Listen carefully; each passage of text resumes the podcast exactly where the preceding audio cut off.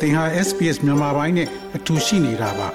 sbs.com.au/burmese မှာပုံမထူးခဲ့တဲ့သတင်းစာမားတွေကိုရှားဖွေပါ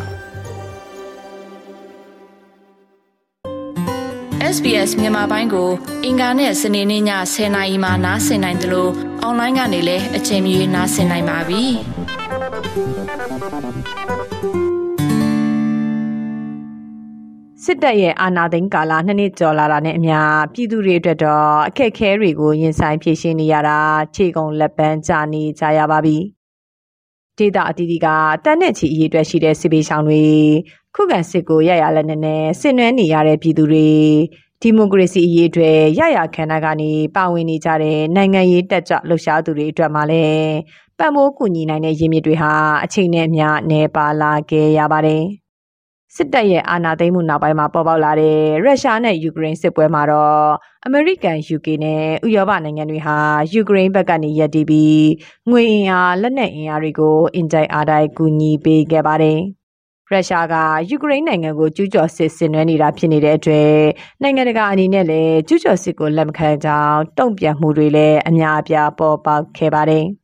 မြန်မာအရေးခင်ကတော့ဒီမိုကရေစီကိုစန့်ကျင်တဲ့စစ်အစိုးရနဲ့အတိုက်ခံအင်အားစုတွေကြားပြည်တွင်းစစ်အဖြစ်သတ်မှတ်ခံထားရတဲ့အရေးမှာထိရောက်တဲ့အကူအညီပေးရေးကခဲရင်နေတာပါဥရောပတို့ပါမြန်မာအရေးလေးဥပမာယူကရိန်းကြတော့အဲဒီလောက်ဂရုစိုက်ကြတယ်ဆိုတာတော့အခုသဘာဝကျပါတယ်ထင်တယ်ကျွန်မကြည့်တာတော့ဟိုဗမာပြည်ရဲ့အရေးကိုဘယ်သူမှဒီလောက်ဂရုစိုက်တာမဟုတ်ဘူးအဲ့တော့နိုင်ငံတကာအကူအညီစာကိုကိုပြည်တွင်းရပဲကို လူမျိုးအချင်းချင်းကြား ကိုယ့်တိုင်းသူပြည်သားအချင်းချင်း အပြန်အလှန် ကူညီဖို့ပဲရှိပါတယ်။တော်လှန်ရေးလည်း ဒီလိုပါပဲ။ကိုယ့်ဟာကိုယ်ပဲ လုပ်ကြရမှာပါ။ဘေးက ကူညီတယ်ဆိုတာ အရန်ပဲဖြစ်မှာပါ။ပြည်တွင်းစစ်ရဲ့ အကျိုးသက်ရောက်မှုတွေကြောင့် အာဏာသိမ်းကာလအတွင်း အရက်သားပြည်သူ3400ကျော် သေဆုံးခဲ့ရတယ်လို့ နိုင်ငံရေးအကျဉ်းသားများ ကူညီဆောင်ရှားရေးအသင်း AABB ကထုတ်ပြန်ထားပါတယ်။ စစ်တပ်ရဲ့အကြမ်းဖက်ဖမ်းဆီးထောင်ချခံထားရသူဥယေဟာလည်းလက်ရှိအချိန်ထိ18000ကျော်ရှိနေသေးပါအာနာသိမ့်ပြီးနောက်ပိုင်းနိုင်ငံနေရအနှံကပြည်သူနှစ်တန်းကျော်ဟာလည်းအိုးအိမ်စွန့်ခွာပြီးဘေးလွတ်ရာကြောတောင်တွေစီထွက်ပြေးတိမ်းရှောင်နေရပါတယ် မြန်မာနိုင်ငံတွင်စစ်တပ်ရဲ့လေကြောင်းသုံးတိုက်ခိုက်ခံရပြီးလူအစုလိုက်ပြုံလိုက်တိုက်ဆုံခဲ့ရတဲ့ပစီကြီးရွာကြာတိုင်ရွာနဲ့အနက်ပါတို့လိုဖြစ်စဉ်မှာတော့နိုင်ငံတကာအဖွဲ့အစည်းနဲ့အာဆီယံတို့ကဝမ်းနည်းကြောင်းစာသားထုတ်ပြန်ခဲ့တာပါ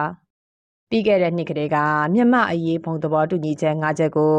အာဆီယံအဖွဲ့ဝင်နိုင်ငံတွေကစစ်ကောင်စီကိုချမှတ်ခဲ့ပြီးလိုက်နာမှုမရှိရင်ထိရောက်တဲ့ပြည်တံချမှတ်မယ်လို့ပြောဆိုခဲ့ပါတယ်။ ဒါပေမဲ့အဲ့ဒီ၅ချက်ထဲမှာပါဝင်တဲ့အကြမ်းဖက်မှုရတန်ရေးတွေ့ဆုံညှိနှိုင်းရေးလူသားချင်းစာနာမှုအကူအညီပေးရေးစတာတွေကိုစစ်ကောင်စီဘက်ကမနိုင်နာသည့်တိုင်ပြစ်ဒဏ်လည်းမချမှတ်နိုင်ခဲ့ပါဘူး။ရန်ကုန်တပိတ်ကောင်ဆောင်ကိုနန်းလင်းကတော့ပြည်သူတွေအတွက်အကူအညီတွေနဲနေပေမဲ့စစ်ကောင်စီအတွက်လက်နက်ထောက်ပံ့တဲ့နိုင်ငံတွေရှိနေသေးပဲလို့ဆိုပါတယ် တကယ်မြန်မာပြည်သူတွေကိုနေ့စဉ်နဲ့အမျှစိတ်တက်ကတက်ဖြတ်မှုတွေကနေ့စဉ်နဲ့အမျှကိုမြန်မာပြည်မှာရှိနေတာဖြစ်တယ်ဒါတွေပေါ်မှာအာဆီယံကဘာမှမမရရဂိုင်တွယ်နိုင်စွမ်းလည်းမရှိဘူးလှုပ်ဆောင်နိုင်စွမ်းအယူနိုင်စွမ်းလည်းမရှိအဲ့လိုလှုပ်ဆောင်နိုင်စွမ်းမရှိတဲ့အနေအထားပေါ်မှာလည်းတွားပြီးတော့မှအာဆီယံစင်ထရတီဆိုပြီးတော့တကဘာလုံးကရှောင်လွှဲဖို့ကြိုးစားနေမှာတော့ကျွန်တော်တို့မြန်မာအရေးကတကယ်လက်တွေ့ထိရောက်တဲ့အကူအညီဆိုတာလည်းအဲဝေလာဝေးဟိုကျွန်တော်တို့မှတ်ပါတယ်ဒါပြည်တွင်းရေးပါကျွန်တော်တို့ကျွန်တော်တို့ဆီယနာရှင်စနစ်အမြင့်ဖြတ်ချင်တာကော ဒီ Federal Democracy ပြည်အောင်စုတည်ဆောက်ချင်တာကကျွန်တော်တို့မြန်မာပြည်သူများရဲ့ပြည်တွင်းရေးဖြစ်ပါတယ်ကျွန်တော်တို့ရင်ဆိုင်နေရတဲ့ရန်သူကတော့ပြည်တွင်းအားတစ်ခုတည်းနဲ့တော့သူကရက်တည်နေတာမဟုတ်ဘူးဗျပြည်ပကနေဝိုင်းဝန်းထောက်ကန်ထားတဲ့ဒီနိုင်ငံတကာအာဏာရှင်အဝန်းဝိုင်းကြီးရှိနေတာပေါ့ဗျာเนาะကျွန်တော်တို့မြန်မာပြည်သူတွေရဲ့အဲလက်ရှိတွားနေတဲ့เนาะကျွန်တော်တို့ရဲ့တိုက်ပွဲဝင်မှုပေးဆက်မှုကျွန်တော်တို့ရဲ့စိတ်ပိုင်းဖြတ်မှုနဲ့နိုင်ငံတကာက ဟိုသူတို့ဘာသာသူတို့သဘောပေါက်နေတဲ့နားလည်မှုတွေကသွားမတူနေအိန္ဒိယနိုင်ငံတွေကအစားအကျိုးစီးပွားအခြေပြုပုံစံနဲ့စစ်တပ်ကိုဗဟိုပြုတဲ့ပုံစံနဲ့စဉ်းစားတယ်မြန်မာပြည်ရဲ့ဒီမိုကရေစီနဲ့ပတ်သက်ရင်အဲလက်တွေ့ပါတဲ့အကူအညီရောလက်တွေ့မပါတဲ့အကူအညီဘာမှဟိုယက်တီမှုကမရှိနေဘူးဆိုတဲ့ကိစ္စအင်တန်ဝမ်းနဲ့ဖို့ကောင်းတယ် စစ်တပ်ရဲ့လေကြောင်းတိုက်ခိုက်မှုလက်နက်ကြီးသုံးဆွဲမှုနဲ့အင်အားသုံးဖိနှိပ်မှုကိုခန်းစားနေရတဲ့စကိုင်းတိုင်းမကွေးတိုင်းချင်းပြည်နယ်ရခိုင်ပြည်နယ်ကယားပြည်နယ်နဲ့ကရင်ပြည်နယ်အတွင်းမှာတော့အထောက်ပံ့ရရှိဖို့ဟာမလွယ်ကူလှပါဘူးနိုင်ငံတကာဘက်ကနေမြန်မာနိုင်ငံအတွက်ငွေကြေးပိုင်းဆိုင်ရာအကူအညီတွေပေးနေပေမဲ့စစ်ကောင်စီရဲ့ကုန်သွယ်ရေးလမ်းကြောင်းပိတ်ဆို့မှုတွေစစ်ပေးဆောင်တွေစီရောက်ရှိဖို့လန်ခီအခက်အခဲတွေကအဟန့်အတားတစ်ခုဖြစ်နေတာပါ ကုလသမဂ္ဂလူသားချင်းစာနာမှုဆိုင်ရာညှိနှိုင်းရေးရုံး UNOCHA ကတော့မြန်မာနိုင်ငံအတွက်လူသားချင်းစာနာမှုဆိုင်ရာအကူအညီတွေပေးဖို့အခြေအနေတွေဆိုးရွားနေဆဲဖြစ်တယ်လို့ဖေဖော်ဝါရီလအစောပိုင်းကထုတ်ပြန်ထားပါတယ်။မြန်မာနိုင်ငံစီကိုထိရောက်တဲ့အကူအညီတွေရရှိဖို့အတွက်နဲ့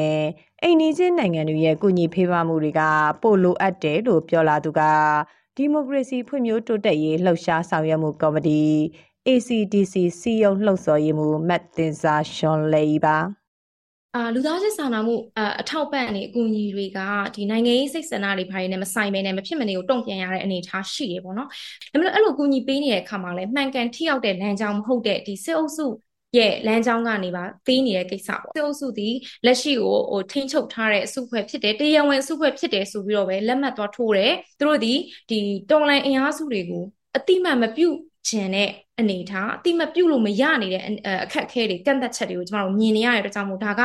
ကျမတို့အားလုံးဝိုင်းဝန်းဖြေရှင်းရမယ့်ကိစ္စလို့မြင်တယ်တရုတ်နဲ့အိန္ဒိယလိုအိန္ဒိချင်းနိုင်ငံတွေတောင်မှကျမတို့ပြည်သူတွေကိုစိတ်ဆန္ဒပြပြနဲ့မကယ်ခြင်းဘူးမကူခြင်းဘူးဆိုရင်အနောက်နိုင်ငံလို့ကျမတို့နဲ့မိုင်းထောင်ချီဝေးတဲ့နိုင်ငံတွေကလာကူဖို့ကယ်ဖို့ဆိုတာဒီဒါမဖြစ်နိုင်ဘူးပေါ့နော်လုံနိုင်တဲ့ဟာအပေါ်ယံပဲလုံနေကြတာဖြစ်တယ်စေအုပ်စုကို sanction ချရဲဆိုတာဒီနိုင်ငံတကာအစိုးရက လုံလို့ရတဲ့အ ਨੇ ဆုံးသောအနှိမ့်ဆုံးသောလုံရက်တွေဖြစ်တယ်အဲ့လုံရက်ကောင်သူတို့ပြပြဝဝမလုံနေတဲ့မြင်ရတယ်ပေါ့နော်ဒီချက်တွေတော့ကျွန်မသုံးသပ်ပါတယ်ကိုအိန္ဒိချင်းနိုင်ငံတွေကိုကျွန်တော်တို့မစည်းရုံးနိုင်သေးသေး၍ဒီမြန်မာနိုင်ငံရဲ့အပြောင်းလဲဖြစ်လာဖို့မလွယ်ဘူးပေါ့နော်အမေရိကန်နဲ့ EU အဖွဲ့ဝင်နိုင်ငံတွေကစစ်ကောင်စီရဲ့စီးပွားရေးတွေကိုပိတ်ဆို့ထားသလိုတစ်ဖက်မှာလည်းစစ်ကောင်စီကရုရှားနဲ့တရုတ်နိုင်ငံတို့ဘက်ကနေစစ်လက်နက်နဲ့လေရင်စီအထောက်ပံ့တွေရရှိနေစေပါ မြန်မာနိုင်ငံဆိုင်ရာလူ့အခွင့်အရေးအထူးကိုယ်စားလှယ်တော်အမ်ဒရုစ်ကစစ်တပ်ကိုလက်နက်ပစ္စည်းရောင်းချမှုတွေရပ်တန့်ပေးဖို့နိုင်ငံတကာကိုတောင်းဆိုခဲ့ပါတယ်။တော်လန်ရေးအင်အားစုတွေရဲ့ဒီမိုကရေစီလိုလားသူတွေကတော့စစ်ကောင်စီကိုနိုင်ငံတကာရာဇဝတ်ခုံရုံး ICC ကိုလွှဲပြောင်းပေးနိုင်ဖို့ကုလသမဂ္ဂလုံခြုံရေးကောင်စီကိုတောင်းဆိုနေကြပါတယ်။ မြန်မာနိုင်ငံရဲ့ပြည်တွင်းစစ်အခြေအနေမှာနိုင်ငံတကာရဲ့ကူညီထောက်ပံ့မှုတွေကိုလက်တွေ့မခံစားကြရပါမယ်။ပြည်သူတွေအတွက်တော့ကောက်ရုံမြင့်တမြင့်စားရရှိဖို့ကိုမျှော်လင့်နေကြစေပါ။စစ်တမ်းကိုအပြင်းထန်ခံစားရတဲ့ကရင်ပြည်နယ်အတွင်းကလိုအပ်နေတဲ့အခြေအနေနဲ့ပတ်သက်ပြီးကရင်လူ့အခွင့်အရေးအဖွဲ့ဒါရိုက်တာဥပညာကဟို safe zone တို့ no flight zone တို့ကတော့ အများအားတောင်းဆိုနေကြဖြစ်တယ် ဒါပေမဲ့ အခုချိန်ထိ အရာမရောက်ပါတော့အဲတကယ်ပဲ နိုင်ငံတကာကနေ စိတ်ဝင်စားမှုဆိုတော့ တိုက်လေရင်စီတွေ ရောင်းချမှုကိုအာပြပြထထန်ပေါ့နော် ကျွန်တော်တို့ အရေးယူပိတ်ဆို့ဖို့ လိုအပ်တယ်။နောက်ဒီဟာက လက်ရှိက မြန်မာနိုင်ငံမှာ လူထုတွေကိုဟိုနေရာအနှံ့ပြားမှာဟိုတိုက်ခိုက်နေတာကလည်း လေနဲ့ပဲ တိုက်ခိုက်နေတာလို့ကျွန်တော်တွေ့ရတော့နော်။ဒီမြန်မာနိုင်ငံရဲ့ စစ်ပေးရှောင်ရေးပေါ့နော် ပို့ပြီးတော့မှအယုံဆက်ပြဖို့အတွက် နောက်လိုအပ်တဲ့ humanitarian အာအကူအညီတွေကိုပြဖို့အတွက်ပေါ့နော် ဒါလည်းတောင်း တောင်းဆိုလိုပါတယ်။ဘာဖြစ်လဲဆိုတော့ အခု2023ခုချိန်ထိ နိုင်ငံတကာအဖွဲ့အစည်းကနေဟိုကျွန်တော်တို့ ပြည်နယ်မှာ ရှိနေတဲ့ စစ်ပေးရှောင်ရေးကို ကူညီနေတယ်ဆိုတာကတော့ မရှိသလောက်ပဲမဟုတ်လဲဘာမှကို လုပ်ငန်း မစသေးတာတွေ ရှိတယ်ပေါ့နော်။အဲဒါကြောင့်မို့ အဲဒီဟာကို အမြန်ဆုံး ဝင်ရောက်ဖြေရှင်းဖို့ လိုအပ်တယ်။ယူကရိန်းကို နိုင်ငံတကာက စစ်ရေးတွေနဲ့ ထောက်ပံ့ပေးခဲ့သလို မြန်မာနိုင်ငံဘက်ကိုလည်းလင်ရင်ပစ် လက်နက်ပစ္စည်းတွေ ထောက်ပံ့ပေးဖို့ အမျိုးသားညီညွတ်ရေးအစိုးရအန်ယူဂျီကတောင်းဆိုနေစေပါ။ မြန်မာအရေးလေလာသုံးသပ်သူတွေကတော့နိုင်ငံတကာအနေနဲ့မြန်မာနိုင်ငံအတွက်လက်နက်ထောက်ပံ့ပေးနိုင်မှာမဟုတ်ပဲလေကြောင်းရန်ကာကွယ်ရေးဆိုင်ရာကြိုတင်အသိပေးနိုင်တဲ့စနစ်မျိုးတွေကိုသာထောက်ပံ့ပေးနိုင်မှာဖြစ်တယ်လို့သုံးသပ်ကြပါတယ်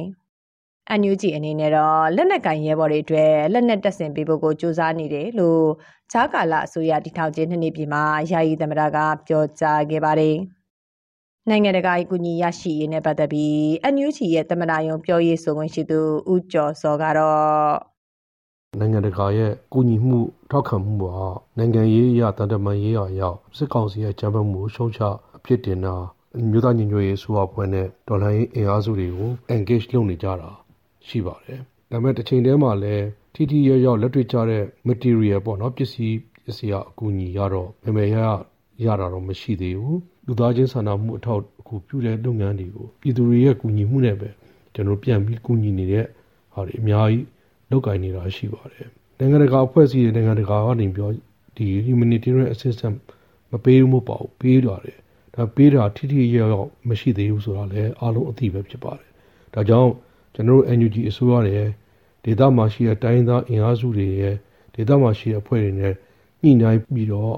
ဒီထိတရရောက်အကူအညီပေးဖို့ဆိုတဲ့ဟာကို လုပ်ကိုင်နေတာဖြစ်ပါတယ်မြန်မာနိုင်ငံရဲ့ပြည်သူအများစုဟာလက်ရှိကာလပဋိပက္ခတွေကြားမှာနေ့စဉ်နဲ့အမျှဖြတ်သန်းနေကြရတာပါ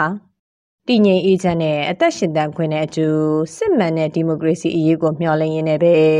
နှွေဦးတော်လှန်ရေးကို ရှေ့ဆက်နေရပါတယ်ဒီရှေ့ဆက်မှုကိုအားကောင်းစေဖို့တစိမ့်တစ်ပိုင်းသက်ဆိုင်နေတဲ့နိုင်ငံတကာရဲ့ထောက်ပံ့မှုကိုရဖို့အရေးကိုတော့ပြည်သူတွေအနေနဲ့မျှော်လင့်နေကြရစေပါ ဒီသတင်းဆောင်မကိုတန်လွင်ခက်ကပေးပို့ထားတာဖြစ်ပါတယ်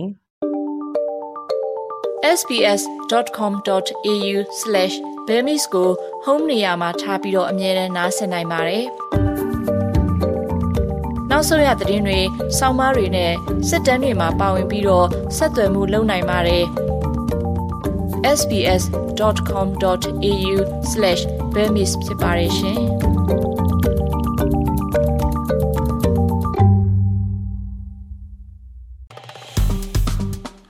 SPS မြန်မာပိုင်းကို Facebook ပေါ်မှာ like ရှာပြီး like မျှဝေမှတ်ချက်ပေးပါ